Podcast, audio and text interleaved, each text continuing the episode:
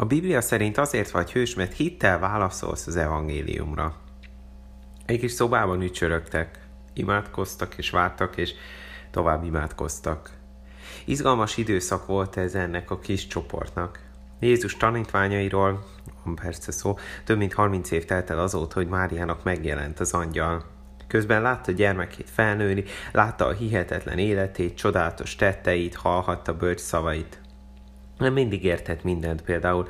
Valószínűleg nagyon sok kérdést cikázott a fejében, miközben fia keresztje alatt állt. De itt van most. Jézus feltámadt, megjelent sokaknak, majd a felhők mögött eltűnt a szemük elől. Az utolsó konkrét parancs az volt, hogy várjanak Jeruzsálemben rá, mert a Élek által visszajön. És Mária csatlakozott a többiekhez. Az apostolok cselekedetei 1.14-ben ez van. Ezek valamennyien egy szívvel és egy lélekkel kitartóan vettek részt az imádkozásban, az asszonyokkal, Jézus anyjával, Máriával és testvéreivel együtt.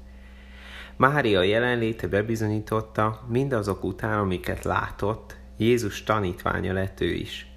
A Biblia nem mondja el, hogyan történt ez, de Mária nem csak Jézus földi anyja volt, hanem valaki, aki rábízta az életét, és hiszi, hogy általa mentette meg Isten a világot.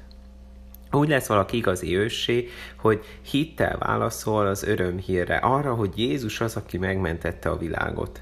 Mária tökéletes példa arra, hogy erre van szükségünk. Igazából, ha valaki csak úgy mindent megkaphatott volna, akkor az Jézus anyja lehetett volna, de nem. Nem elég tudni valamiről, nem elég akár látni sem, részt venni sem bennük.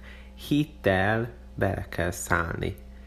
Miközben Isten szeretetéről jó hallani, és jó a világképünket ezt szerint újra formálni, ebben nem csak passzív résztvevők leszünk, hanem elkezdünk hinni.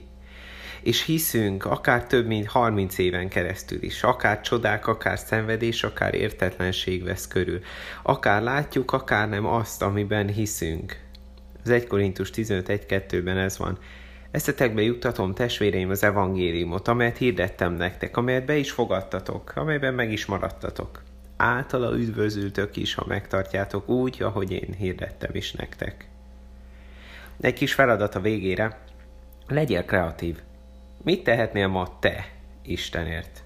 Ma találj ki te valamit.